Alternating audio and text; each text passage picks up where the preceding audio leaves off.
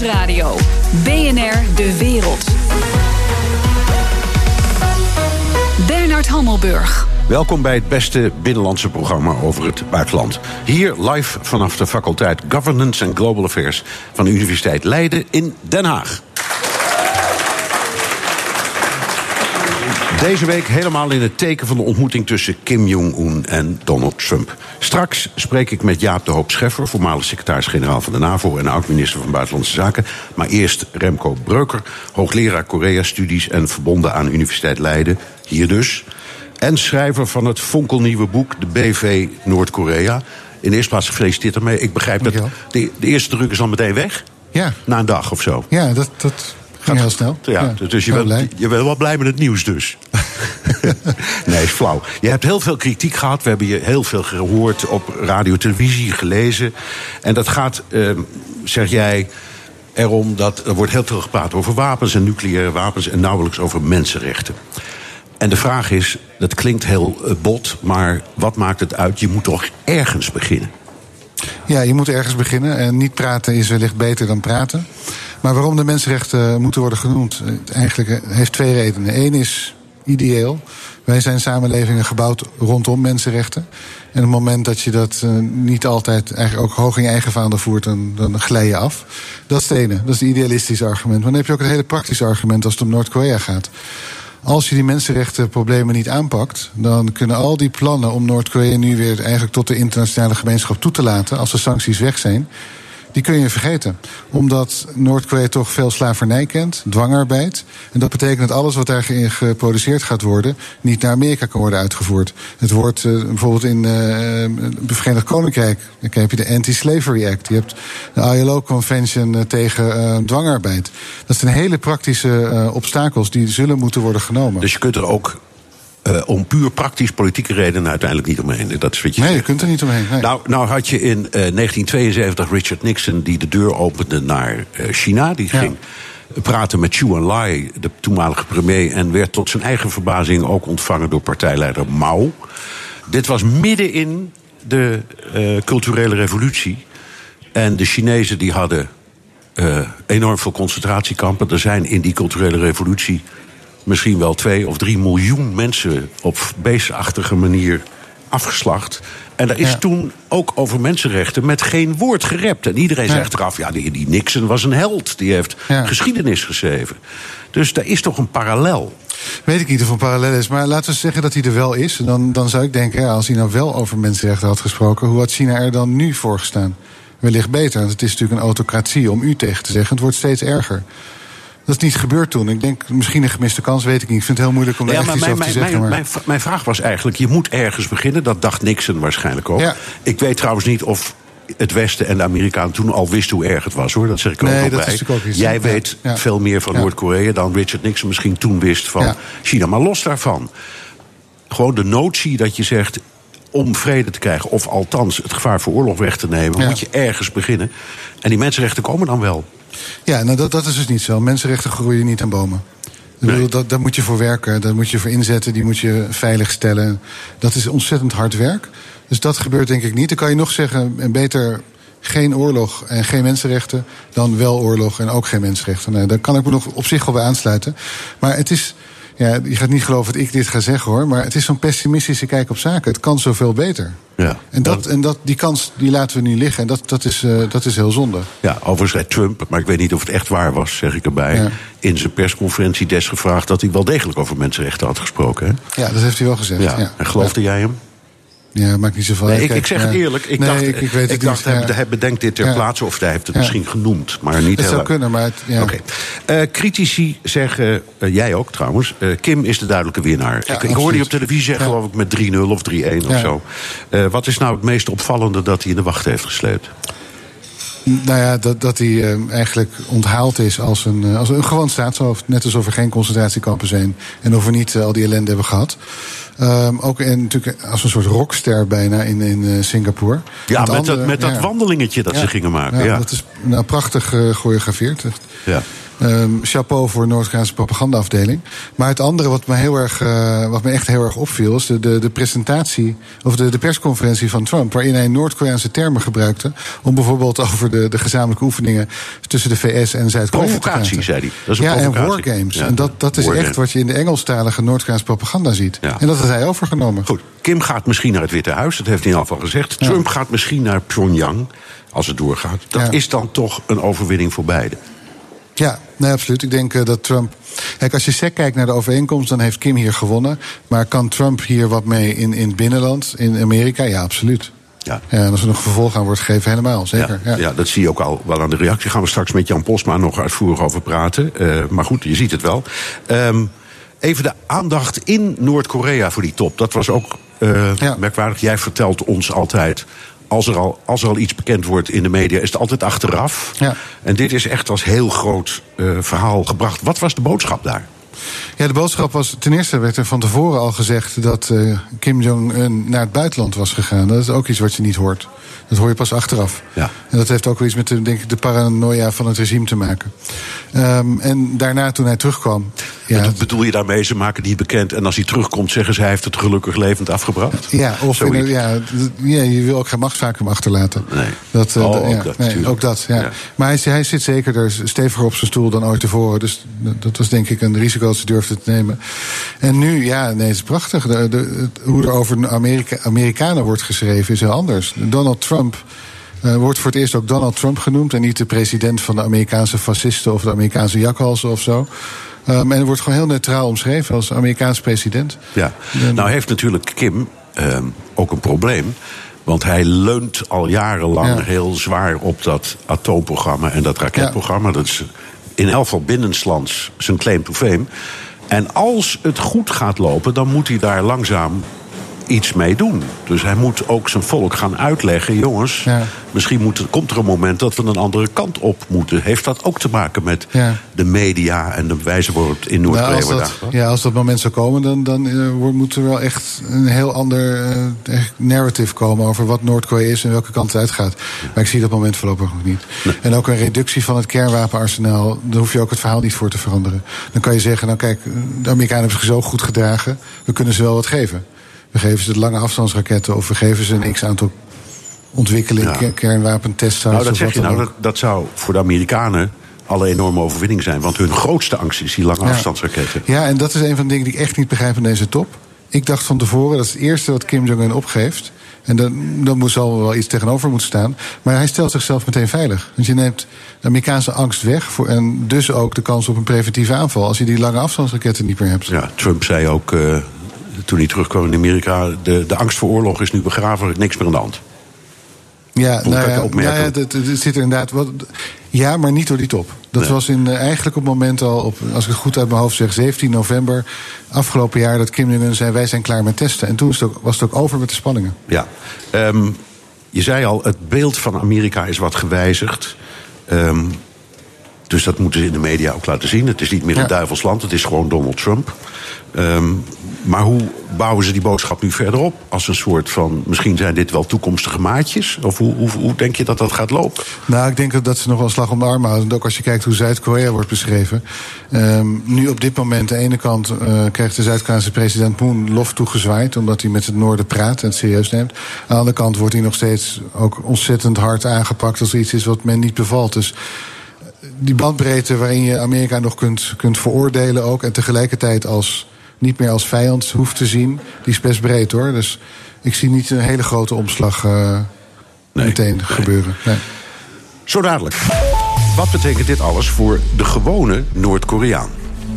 BNR Nieuwsradio. BNR De Wereld. U luistert naar de speciale Noord-Korea-show live vanaf de faculteit Governance and Global Affairs van de Universiteit Leiden in Den Haag. Met als gast Remco Breuker, hoogleraar Korea-studies aan deze universiteit en schrijver van het nieuwe boek De BV Noord-Korea. Um, je hebt, Remco, een hoop kritiek en een hoop aantekeningen, zal ik maar zeggen, bij die verklaring uh, die is getekend met dat. Uh, inmiddels beroemde cardiogram van Trump eronder. Want daar doet zijn handtekening me altijd een beetje aan denken. Um, Gesteld nou dat jij had mogen meeschrijven. of dat jij in wat er nu gaat gebeuren advies mag geven. Ehm, hoe zou dat advies luiden? Nou, eh, ja, dat hangt er vanaf met welke kant van mij je praat, denk ik. De realistische of de meer idealistische. De realistische zou zeggen, we moeten die mensenrechten erin hebben. Om wat ik net zei. Je, kan, je komt niet vooruit. Noord-Korea wordt geen lid van de internationale gemeenschap. Dat wordt geen lid van de Veiligheidsraad, ik noem maar eens wat. Nee, maar überhaupt, je kan geen zaken doen met een land dat, waar al die internationale verdragen dat blokkeren. Je kan niks produceren. Oké, maar, maar even, maar even je mag, je mag een paar regeltjes aanleveren en zeggen: dit, dit zijn de bullet points. Nee, dat mensenrechten. Ja. Daar zou ik het ook even bij houden. Dat is, dat is ontzettend belangrijk. Daar heeft iedereen wat aan. Um, en het, het, het, uiteindelijk zal het um, een beter Noord-Korea ook creëren. En hopelijk een rustigere internationale wereld. Nu komen er uh, betere en uh, leukere vragen, want we gaan naar het publiek. Gaat uw gang. Uh, hoi, ik uh, ben Maurice, ben universiteit en u heeft mij vorig jaar um, ook lesgegeven. En mijn vraag is wat de potentiële rol van de EU kan zijn in uh, deze top met, uh, met Noord-Korea en de Verenigde Staten. Wat de potentiële rol van de EU kan zijn. Ja, mijn vraag is dat ook. En dat is, ehm, de EU is heel erg afwezig. En ik denk dat is denk ik, heel erg jammer. Want als er één, één ja, um, plek op de wereld is waar we natuurlijk heel veel ervaring hebben met nou, bijvoorbeeld de, de, hereniging van Duitsland. Het verwerken van ontzettend zwaar of moeilijk en beladen traumatisch oorlogsverleden. Wat beide Korea's hebben, ook met elkaar, met de VS. Dan is dat de EU. Dus ik denk dat in dat opzicht de EU echt een grote rol uh, nog in de toekomst kan spelen. Nu op dit moment denk ik. Bij mijn weten is de EU niet echt betrokken en ik zie dat ook niet gebeuren. Wat, wat ik betreur, maar ja, goed, daar zijn we nu. Ja. Volgende vraag, gaat u gaan. Hey, uh, ik ben Sophie en ik uh, studeer ook hier aan uh, Leiden in Den Haag. En mijn vraag gaat meer over de oorzaak dat Kim Jong-un opeens deze, dit in proces heeft gezet. Um, hoezeer is dat toe te wijten aan de acties van Amerika? Of hoezeer ja. is dat toe te wijten aan acties en sancties van China, Noord-Korea's grootste partner? Ja, nee, dat is een hele goede vraag. De, de sancties hebben hier zeker ook mee te maken. Uh, maar voornamelijk in de timing. Uh, de Noord-Koreaanse schatkist lijkt toch echt wel een beetje leeg geraakt te zijn. Dus Noord-Korea moest nu gaan praten. Uh, en hoe sneller, hoe beter. Maar dat um, um, Kim Jong-un überhaupt aan de onderhandelingstafel is verschenen... is iets wat eigenlijk wat ook wel in de Noord-Koreaanse strategie paste. 2017 was het jaar van het, uitontwikkelen van de kernwapens... en, en de lange afstandsraketten. Met alle gevolgen van dien, bijna oorlog. Als dat klaar was, dan op basis van die wapens uh, praten... En um, eigenlijk ja, economische welvaart binnenslepen. En dat doe je voornamelijk door vriendelijk te zijn. Dat. Oké, okay, nog één korte vraag als mag. Want... Goedemiddag, ik ben Dave Kloet, ik ben officier binnen de Koninklijke Landmacht. Uh, u geeft altijd aan dat Trump of direct of indirect tegen zijn uh, kiezers spreekt. In hoeverre heeft hij er belang bij dat de mensenrechten situatie in Korea dan verbetert... als hij zijn doelen eigenlijk al bereikt heeft? Maar eh, dat is een vraag aan mij of aan Remco Breuker? Ja. De heer Breuker als Ja, precies. Ja, ja niet. Nee, ik denk uh, dat is, uh, heeft helemaal gelijk. En hij heeft niet echt heel veel belang dan bij het verbeteren van de mensenrechten. Daar gaat hij geen stemmen mee winnen. Dat is absoluut waar. Nee, maar misschien wel met het idee dat hij heeft beloofd. Ik ben, een, ik ben iemand die vrede gaat maken en uh, de, mijn strijdkrachten ja. overal terug. Ja. en dit is nou een voorbeeld, dit is een echt probleem, gaat me lukken. Ja, en ik denk dat hij die winst ook wel binnen heeft nu. Ja, ja. ja. Nou, je ziet het ook aan de peilingen. Ja. Fijn, dankjewel. Remco Breuger, ho Breuker, hoogleraar Korea-studies aan de Universiteit Leiden. Klein applausje. Fijn dat je er bent. De Donald Show. En wij gaan uh, naar de wekelijkse update over de United States of Trump... met vanuit Washington onze correspondent Jan Posma. Goedemorgen, Jan. Ja, uh, goedemiddag daar, heb ik begrepen. Ja, hoe kijken de Amerikanen, want we hadden het daar net over... Uh, hoe Trump scoort in eigen land. Je hebt ongetwijfeld mee zitten luisteren. Hoe kijken ze in het Amerikaanse congres eigenlijk terug op die Korea-top?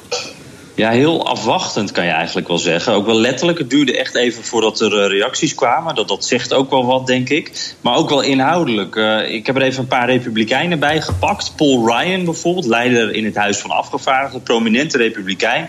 Die zegt: uh, Het is goed dat Trump de status quo doorbroken heeft, maar ja, dit wordt wel een heel lang proces. En hij benadrukt ook die absolute, onomkeerbare denuclearisatie. Die moet er echt komen. Lindsey Graham, ook een senator. Ik hoop dat een overeenkomst welvaart en vrede oplevert. Maar er is nog geen overeenkomst. En als die er komt, moet hij ook eerst langs het congres. Nou, daar gaan we het zo nog even over hebben. Ten slotte nog Marco Rubio. Die zegt we moeten sceptisch zijn over elke deal met Noord-Korea. Ze zullen nooit hun nucleaire wapens opgeven. Tenzij dat het einde van hun regime zou betekenen. Dus niet heel optimistisch. En bij de Democraten zijn ze behoorlijk kritisch eigenlijk. Die kijken eigenlijk minder naar het feit dat er gesproken is. Wat de Republikeinen meer als uh, positief punt zien. En meer naar wat er aan concrete afspraken mist in de deal. En, en natuurlijk, het werd net ook al genoemd, die mensenrechten. Ja, het is uh, natuurlijk ook wel een omslag die het congres moet maken. Want er wordt nou na een heel jaar heel lang praten over praten met Noord-Korea, gepraat met Noord-Korea. Ja, dat, dat is een soort uh, cultuurshock, denk ik ook uh, voor veel congresleden hoor. Noord-Korea was natuurlijk letterlijk onderdeel van de as van het kwaad. Hè. Dat rijtje gevaarlijke landen uh, van George Bush junior ja, en, en de wereld is in de afgelopen 60 jaar heel, heel erg veranderd. Maar één ding bleef altijd hetzelfde. Met Noord-Korea wordt niet gepraat. Dus ja, wat er nu gebeurt, daar, daar moet echt een groep congresleden nog behoorlijk aan wennen. Dat merk je ook, vooral die hardliners. En dit komt ook meteen naar die G7-top, waarbij ruzie was uh, met Amerikaanse bondgenoten, met ons eigenlijk.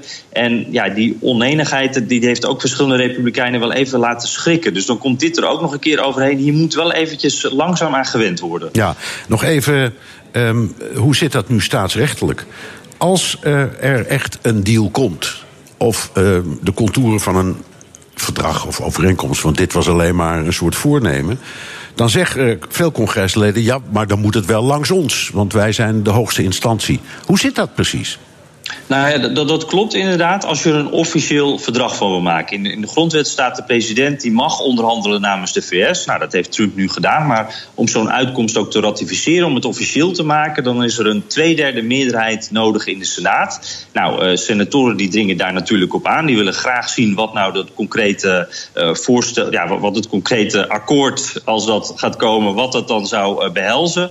En uh, Trump heeft ook die intentie uitgesproken dat hij dat door de Senaat wil laten bekijken. En dat is ook maar beter ook, mocht er een uh, verdrag komen. In 2015 koos Obama ervoor om dat niet te doen, hè, met die Iran-deal. Maakte toen Republikeinen, maar ook Democraten trouwens, die kritisch waren, toch behoorlijk boos. En toen, om hun controle over die deal toch te verzekeren, wisten de Republikeinen in het congres een, soort, ja, een wet erdoor te duwen. die bepaalde dat de Amerikaanse president dat akkoord elke 90 dagen opnieuw moest bekrachtigen. Nou, en dat zorgde er uiteindelijk voor dat Trump heel makkelijk uh, die afspraken weer terug kon draaien. Ja, een pestwet hebben ze dus aangenomen om terug te pesten. En uh, dat is ook belangrijk wel even om vast te stellen. Obama heeft gebruik gemaakt, ik geloof, van een periode van reces omdat hij wist dat hij die Iran-deal niet eh, door het congres kreeg. En hem dat toen doorgedrukt door een decreet. Ja. En als Trump ja. dat nu doet, is de wereld te klein. Maar Obama deed dus precies dezelfde. Dat klopt toch, hè? Exact, exact. Ja, ja klopt. Ja. Even terug naar die uh, Singapore-top. Um, die heeft gevolgen voor een filmproducent in Californië. Ja, onverwachte gevolgen. Je hebt misschien wel meegekregen. Trump liet als een soort teasertje richting Kim Jong-un een soort, soort filmtrailer zien eigenlijk. Uh, daarin kreeg Noord-Korea, zou je kunnen zeggen, een soort voorproefje uh, van, van, hoe de wereld eruit zou kunnen zien als zij als normaal land uh, ja, binnen het systeem zou, zou, zou bestaan. dus je ziet heel veel zonnepanelen, veel rijkdom, hele mooie wegen met heel veel auto's. het is een soort digitaal worteltje eigenlijk dat Kim Jong-un werd voorgehouden. Nou, er werd wat lacherig op gereageerd, want het was wel een erg over de top filmpje. En dat filmpje eindigde met de boodschap: dit is gemaakt door Destiny Productions. Nou, dat symbolisch naam natuurlijk. Hè. Uh, maar het was gewoon door de Amerikaanse regering gemaakt natuurlijk. Maar die zijn alleen even één ding vergeten te checken. Bestaat er ook echt een Destiny Productions? Nou, je raadt het al. Dat bestaat. Ze zitten in Californië. En uh, nou, je moet dus naar de Twitter-feed van, van de baas van het bedrijf kijken. Die werd de hele dag na de top uh, helemaal kapot gebeld met boze, maar ook verontwaardigde telefoontjes dat zij dit hadden gedaan. En ook heel veel tweetjes. Hij heeft niks met die top te maken, maar hij heeft er dus nog wel even een paar dagen flink last van. Ja. Uh, er is ook een kleine leegloop gaande in het Witte Huis. Er moet zelfs geadverteerd worden om nieuwe mensen binnen te halen. Geldt trouwens ook voor de departementen, ook voor buitenlandse zaken. Ja, klopt. Ja, ja, dit is echt een soort uh, brain drain op sommige departementen uh, bezig. Dat heeft te maken met ja, soms toch een slechte werksfeer. dus ook een afbraakrisico. als je voor deze regering werkt. er is nou eenmaal veel kritiek. Dus veel mensen gaan weg. Echt ook statistisch gezien meer dan bij vorige presidenten. gerucht van gisteravond bijvoorbeeld. Sarah Huckabee Sanders. Die zou weggaan uit het Witte Huis. De, de woordvoerder. woordvoerder. Wow. Ja, klopt. ontkent ze zelf overigens. Maar goed, we gaan het zien de komende dagen. en het Witte Huis doet daarom iets heel ongebruikelijks. Uh, ze staan hier vrijdagmiddag op een jobfair, op, op een soort banenmarkt. En, dat is iets wat normaal gesproken eigenlijk nooit voorkomt. Want het Witte Huis hoeft geen moeite te doen om mensen binnen te halen. Maar uh, ja, mocht je niks te doen hebben, komende vrijdagmiddag, rond drie uur lokale tijd, hier in de Dirksen Senate Office Building. Uh, wel een kleine voorkeur. Je moet het liefst een beetje republikeins stemmen. Ja, je, je, woont er vlakbij, je gaat vast kijken daar. Ik ga wel even kijken. Ik ben heel benieuwd wat daarop afkomt. Maar wat is nou tenslotte het probleem? Want het, het, en ik bedoel het niet flauw, maar waarom loopt het Witte Huis leeg en waarom lukt het maar niet om bij de departementen voldoende bemanning te krijgen? Wat is het probleem? Nou, er zijn een paar dingen. Wat je bijvoorbeeld bij Buitenlandse Zaken zag, was dat de, de, de minister die daar zat, uh, Rex Tillerson, dat die, uh, ja, niet, ja, die had, dat, dat, liep niet lekker. Dat liep gewoon niet goed. Dat heeft veel carrière-ambtenaren, uh, ja, die hebben ervoor gekozen om daarom weg te gaan. en ook wel de lijn van, van de, de Trump-regering, dat, dat, ja, die, die denken toch op een hele andere manier dan dat die carrière-ambtenaren gewend zijn. En dat is een probleem. Um, dus daarom gaan veel mensen weg. Maar ook in het Witte Huis zelf. Ja, we weten de verhalen dat de werksfeer daar niet uh, optimaal is. Uh, dat daar veel uh, onderling ook gesoebat is. dus ook daar, ja, mensen denken dan op een bepaald moment van... ja, waarom zit ik hier eigenlijk? Wat moet ik hier eigenlijk? en in de media natuurlijk heel veel negatieve berichten daarover ook. Dus het afbraakrisico voor iemand die prominent in de Trump-regering zit... of voor iemand die een prominente baan heeft, is zeker aanwezig. En dat zorgt ervoor dat, dat mensen toch eieren voor hun geld kiezen. Dankjewel. Jan Posma, onze eigen Amerika-correspondent. Straks gaan we verder hier met deze speciale Noord-Korea-show... met Jaap de Hoop Scheffer, voormalig secretaris-generaal van de NAVO... en oud-minister van Buitenlandse Zaken. BNR Nieuwsradio. BNR De Wereld. Bernard Hammelburg. Welkom terug bij de speciale Noord-Korea-show... live vanaf de faculteit Governance and Global Affairs... van de Universiteit Leiden in Den Haag. Onze volgende gast, Jaap de Hoop Scheffer, voormalig secretaris-generaal van de NAVO, oud-minister van Buitenlandse Zaken en verbonden hier aan deze faculteit. Eigenlijk zijn we bij u op bezoek. Met groot plezier verbonden aan deze faculteit, zeker. ja, fijn om te horen. Um, hoe heeft u naar die ontmoeting gekeken? Uh, een schijnvoorstelling of een topprestatie? Ja, het was, het was een show. Uh, wat, wat heeft RTL nu weer uit de kast getrokken? Het was natuurlijk een, een, een enorm, enorm. Er zat een immens show-element in. Uh, we hadden het al over de nachtelijke wandeling van, van, van Kim. Die hele lange persconferentie van Trump. Eén uur en vijf ja, minuten. Ja. Waarin hij op een gegeven moment zegt: van ja, je, moet dit, je zou dit kunnen zien alsof je een onroerende, onroerend goed transactie met, met elkaar sluit. Daar zaten, ik, ik heb gekluisterd gezeten aan de televisie. Ja, maar goed, uh, ik stel de vraag toch nog een keer. Het, wa het, was een voorstelling, daar zijn we het over eens. Ja. Maar was het ook wel een beetje een topprestatie? Het nee, feit dat, dat, dat gebeurde. Ja, alleen het feit dat het gebeurde. Dat, dat, dat kun je historisch noemen. En een topprestatie, ik weet niet precies dan, dan van wie. Dan moet je zeggen van beide. Maar in eerste instantie voor Kim. Want ja. de handschudden van de Amerikaanse president... Uh, uh, dat is natuurlijk iets waar hij denk ik zijn hele leven van gedroomd heeft. Serieus genomen te worden als staatsman op het wereldtoneel. Evenveel vlaggen op de achtergrond. Evenveel vlaggen op de ja. achtergrond. Uh, het bestuderen van de lichaamstaal van, van de beide heren. Het, het was echt, het had een enorm show-element. En dat leidt tevens uiteraard tot de zorg uh, dat er buitengewoon weinig inhoud uh, is uitgekomen. Nog even één ding. Als daar nou niet Trump had gestaan, maar Barack Obama. Hoe hadden we er dan met z'n allen achteraf over gesproken? Dan denk ik allereerst dat, dat dit soort bijeenkomsten uh, op een andere manier zouden zijn voorbereid. Uh, beter zouden zijn voorbereid dan, dan deze bijeenkomst. Want als je de tekst goed leest, die is afgesproken. En daarbij optelt de persconferentie van Trump. dan zit er toch een aantal hele rare elementen inhoudelijk in. Trump heeft, en, zo, en die is natuurlijk tegen, de tegenpool van Obama. Trump reageert intuïtief. Obama was iemand die buitengewoon lang nadacht, afweeg, uh, afwoog de voor's en de, en de tegens.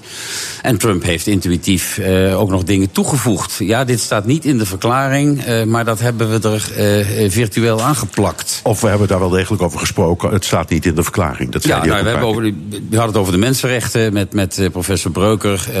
ja, ik geloof dat zijn antwoord letterlijk was: ja, daar hebben we het over, hebben we over gesproken eventjes. Nee, zeer uitgebreid, zei hij. Briefly, we discussed it briefly. Nou goed, oh, zeer uitgebreid. Nou, dat, dat klinkt dan al wat beter. Maar u, u zult gelijk hebben. Doet er verder ja. niet toe. Maar goed, het is waar. Um, de Noord-Koreaanse leider wordt toch nu een beetje gezien als uh, wat meer een gewoon staatshoofd. Salonveeg, zeggen de Duitsers dan. Ja, waarmee precies. je kan praten. Ja. Um, is dat nou terecht? We hebben vaak, u en ik, gesproken over hoe ga je om met Syrië? En dan kwamen we op de figuur Assad. En uw stelling, dat heeft u ook in een advies aan de minister destijds uh, gezegd, was: ja, dat is uh, een vreselijke man of een monster. Dat waren dan mijn woorden. Maar af en toe moet je daar zaken mee doen. Het is niet anders. Geldt dat nou ook voor Kim Jong-un? Ja, dat denk ik wel. Je kunt niet, uh, dat, dat geldt voor, overigens ook voor de relaties met de Verenigde Staten, voor Trump. Je kunt niet je beperken tot alleen op het Malieveld te gaan staan hier en boete roepen.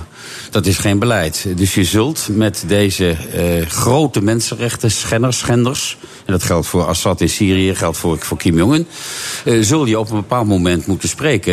je sluit vrede met je vijanden, je tegenstanders, niet met je vrienden, dat hoeft niet. Dus je zult inderdaad in gesprek moeten met dit soort mensen.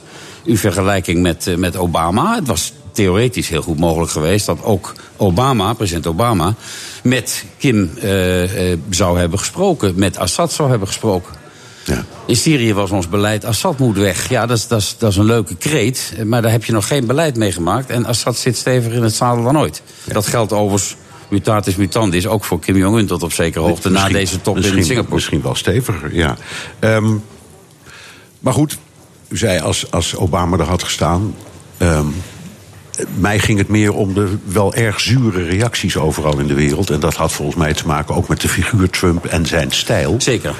Uh, maar gewoon als je dat even weglaat. Dan denk er gaat een Amerikaanse president. die heeft toch maar het lef om dat te gaan doen. Als dat nou Obama was geweest, hadden we dan gezegd: ja, die Nobelprijs voor de vrede van destijds heb je toch wel terecht verdiend.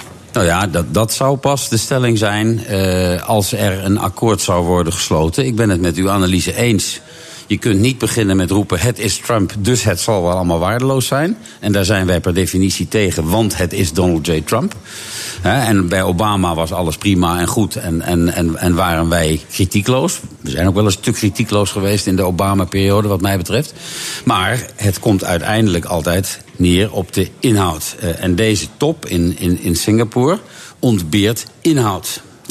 Althans op dit moment. Nou ja, we moeten afwachten hoe het verder gaat. Ja, maar op is, dit moment geen inhoud. Het is een soort uh, eerste verklaring en nou maar verder. Dus uh, ja, nogmaals, ik, ik zelf dacht toen ik het allemaal zag gebeuren...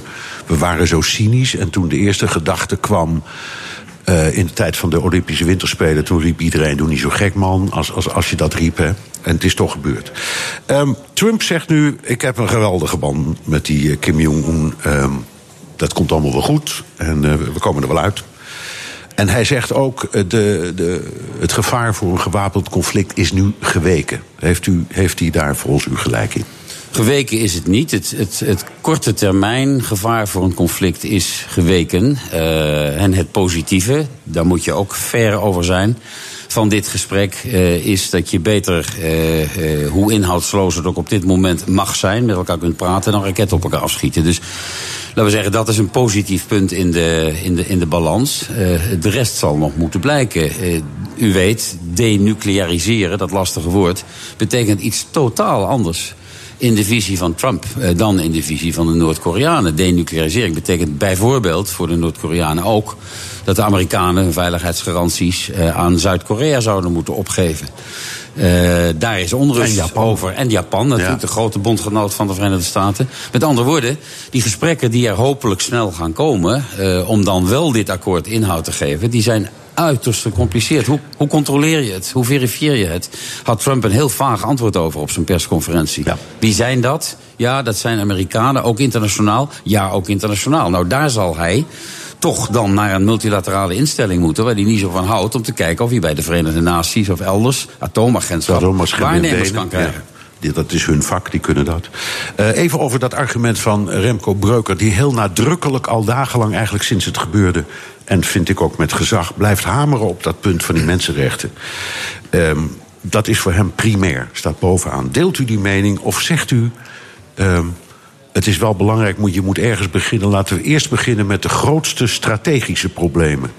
En daarna kunnen we dat dan wel in de discussie eh, eh, gooien. Ik ben het met Remco Breuker eens dat de mensenrechten erin hadden moeten staan. Eh, hoe vaag ook, maar het had erin moeten staan. Alleen als je afweegt, en daar denk ik, kijk ik iets anders aan tegen, tegen dit antwoord op uw vraag, wat, wat hij zou geven.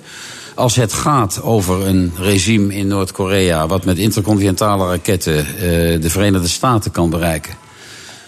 U noemde Obama. Iedere Amerikaanse president zou dat niet kunnen accepteren. Daar is Trump niet, eh, Trump, Trump niet uniek wat dat betreft. Dan zou ik, eh, als ik nou een volgordelijkheid, een volgorde zou moeten aangeven. Dan zou ik zeggen, die mensenrechten horen erin te staan. Dat moet deel uitmaken van de gesprekken. Maar er is iets nog belangrijkers dan die mensenrechten. En dat is voorkomen eh, dat er eh, eh, kernwapens worden ontwikkeld of zijn ontwikkeld. Die de Verenigde Staten kunnen treffen met alle gevolgen van dien. Ja.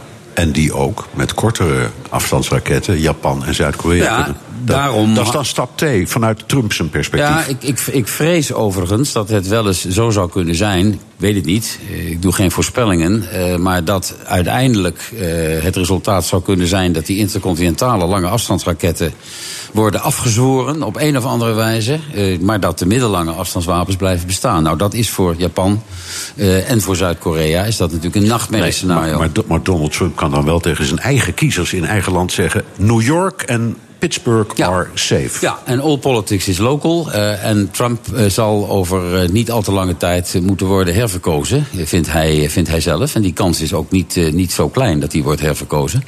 En eh, daar gaat het dus binnen de Verenigde Staten om. Zo dadelijk. Stel, Noord-Korea wil echt zijn kernwapens wegdoen. BNR Nieuwsradio. BNR De Wereld. Welkom terug hier bij de speciale Noord-Korea-uitzending. Live vanaf de faculteit Governance and Global Affairs van de Universiteit Leiden in Den Haag. Ik praat met eh, Jaap Hoop Scheffer, onze oud-minister van eh, Buitenlandse Zaken en oud-secretaris-generaal van de NAVO. Ehm, we horen na, u zei al, het was allemaal heel vaag hè, wat, eh, wat daar gebeurd is in Singapore. Maar daarna komt er wel wat duidelijkheid. Zo heeft Mike Pompeo, de minister van Buitenlandse Zaken, iets verduidelijkt. Hij zegt de kernwapens moeten echt weg uit eh, Noord-Korea. Of de, het wapensysteem moet stoppen. En dat moet voor 200 2020 gebeurd zijn. En dan gaan we pas werken aan afbouwen van de sancties.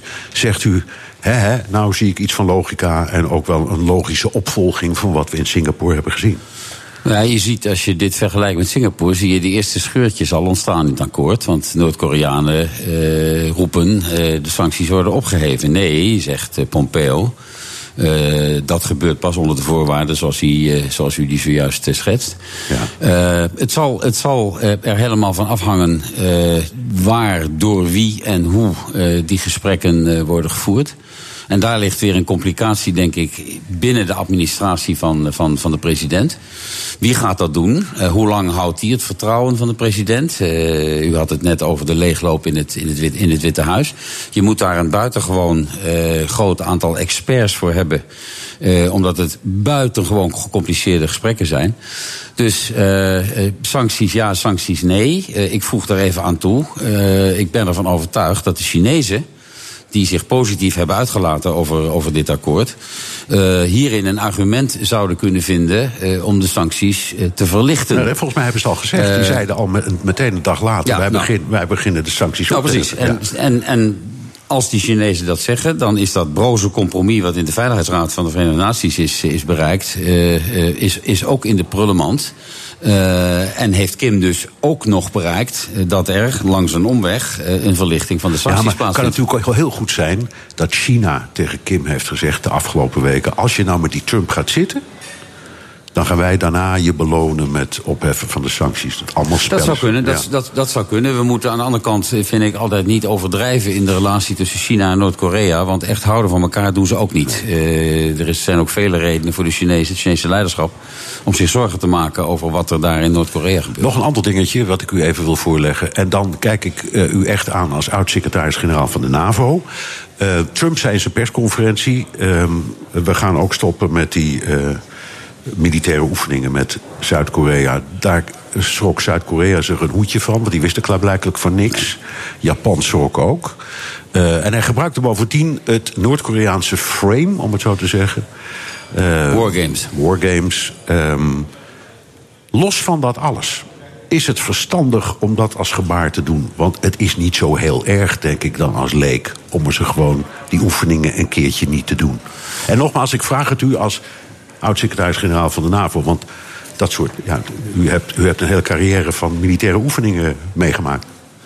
Ja, ik, ik zou me kunnen voorstellen dat je dit in je binnenzak hebt eh, om uit te spelen. Eh, ik had dat nooit gedaan eh, op de top zelf. En ik had het alleen gedaan op een moment, zo zou de NAVO ook opereren, vraagt aan de NAVO. Op een moment dat dat, dat, dat is afgestemd met je bondgenoten. Want, want stelt u zich eens voor wat, wat dit betekent voor, voor Zuid-Korea.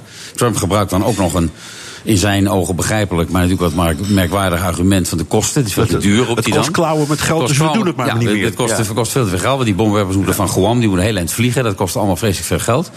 Eh, ik kan mij voorstellen dat je als gebaar van goede wil bij de aanvang van gesprekken zegt: akkoord. Andere taal gebruiken dan wargames. Eh, wij eh, zijn bereid er eens eentje over te slaan. Maar A, spreek dat af met je, met je bondgenoten. En B, speel die kaart op het juiste moment. Ja. En nu, mijn indruk was, maar ik spreek geheel voor mezelf...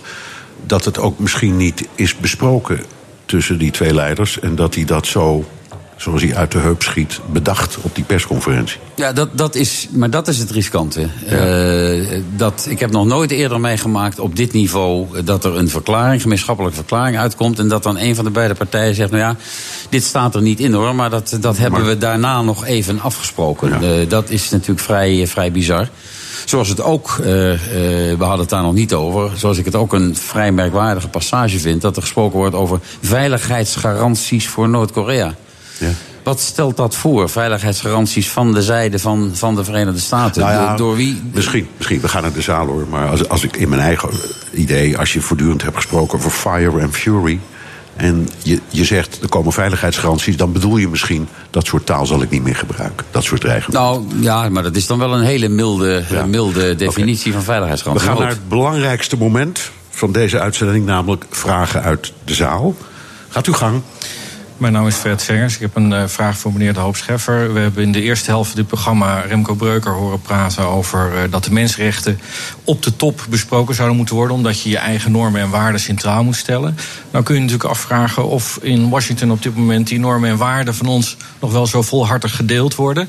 Andere belangrijke landen, China Rusland, eh, deden dat al niet, zal ik maar zeggen. In hoeverre kunnen wij eh, onze normen en waarden en de mensenrechten nog wel centraal stellen? Of is dat langzamerhand een staande weg geworden aan een effectief buitenlands beleid?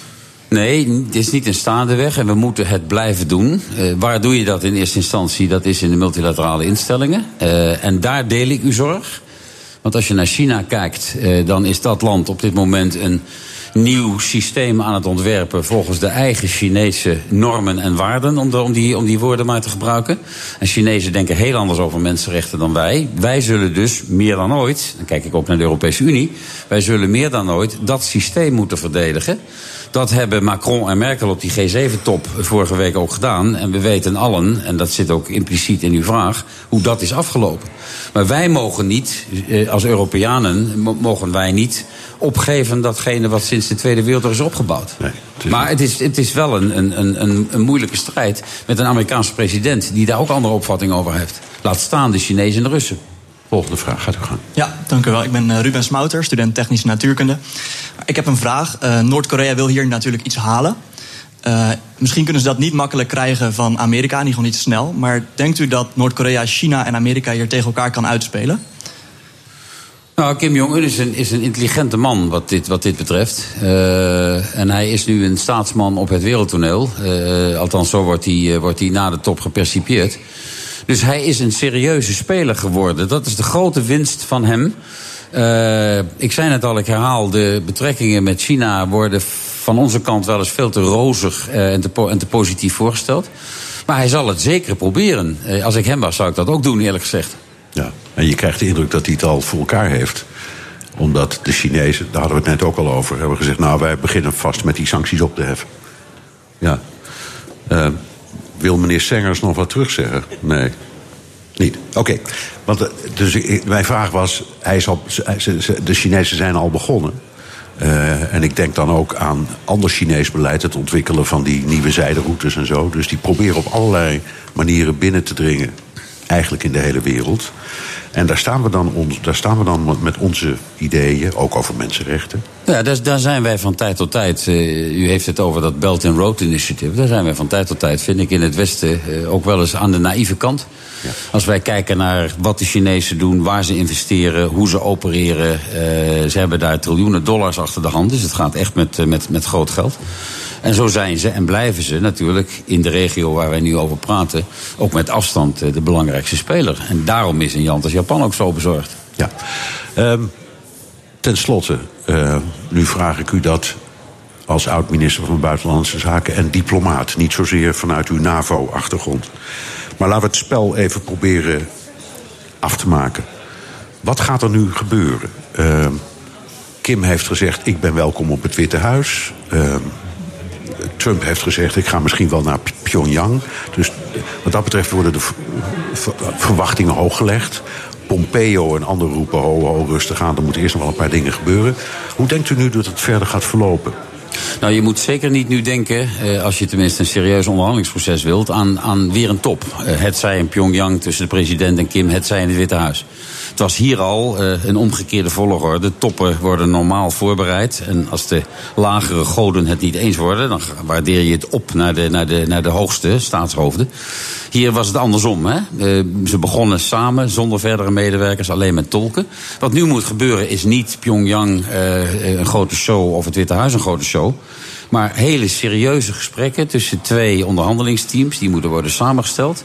Daar moet je dan een plaats van onderhandeling vaststellen. Uh, je moet, je moet uh, vaststellen waar ga je eerst over praten. Waar praat je later over. Spelen de mensenrechten in die, in die gesprekken uh, een rol? Heb je het eerst over de lange afstandswapens. Dan over de kortere afstandswapens. Hoe gaat het met economische steun? Buitengewoon ingewikkeld. Iran heeft ons geleerd, het akkoord wat door Trump is opgezegd met, eh, met Iran, dat dat jaren en jaren kan duren. Nou, als het jaren en jaren duurt en er wordt niet geschoten, vind ik dat een plus, een positief resultaat van, van deze top. Maar het is onwaarschijnlijk ingewikkeld. Verificatie, controle is onwaarschijnlijk ingewikkeld. Ja. Uh, Inspecteurs, camera's, het, het is, toegang. Zo is dat. Ja is allemaal, allemaal heel ingewikkeld. Goed, niettemin, ik heb steeds het gevoel dat we er te zuur over zijn. Allemaal. Uh, Reagan en Gorbachev zijn om de Koude Oorlog te gaan te beëindigen, ook op het hoogste niveau, gewoon maar bij elkaar gaan zitten. Ja. Daar zaten dan wel de ministers van Buitenlandse Zaken bij, maar het belangrijkste gesprek, deze met z'n tweeën. Alleen maar met tolk. En het is gelukt. Ja. Dus waarom kunnen we hier niet denken, wie weet? Nee, de, de, zuur, de zuurgraad van onze reactie moet niet te hoog zijn. Maar eh, het bekende Engelse spreekwoord luidt: The proof of the pudding is in the eating. Ja. Je kunt pas eh, de pudding proeven eh, als, je, als je hem kunt eten. En de vraag is allereerst: is er wel een pudding? Ja. Nou, laat die pudding dan maar, maar laten we die dan maar bekijken, als die er is. Uh, en laten we in het onderhandelingsproces kijken of er, of er substantie is. Het woord EU is een aantal keer gevallen. Wat is ons belang. Rechtstreekse belang hierbij, behalve dan het idee... het is mooier dat er vrede is dan oorlog. Nou, ik denk dat er een, dat er een, een groot belang is uh, bij het verkleinen, het verminderen van het risico dat er in dat deel van de wereld, en de wereld is klein tegenwoordig, een groot conflict ontstaat eh, waar ook westerse, tussen aanhalingstekens, uh, landen als Zuid-Korea en, en, en Japan bij, bij betrokken zijn. Die horen bij ons. En als ik zeg, die horen bij ons eh, in mijn, in mijn benadering, dan, dan is een conflict in die regio ook voor ons, voor de internationale handel, voor handelstromen, potentieel buitengewoon gevaarlijk. Dank Jaap de Hoop Scheffer, voormalig secretaris-generaal van de NAVO en oud-minister van Buitenlandse Zaken. En tot zover BNR De Wereld vanaf de faculteit Governance and Global Affairs in Den Haag, onderdeel van de Universiteit Leiden. Terugluisteren kan online via de app, via Spotify of iTunes. Tot de volgende week.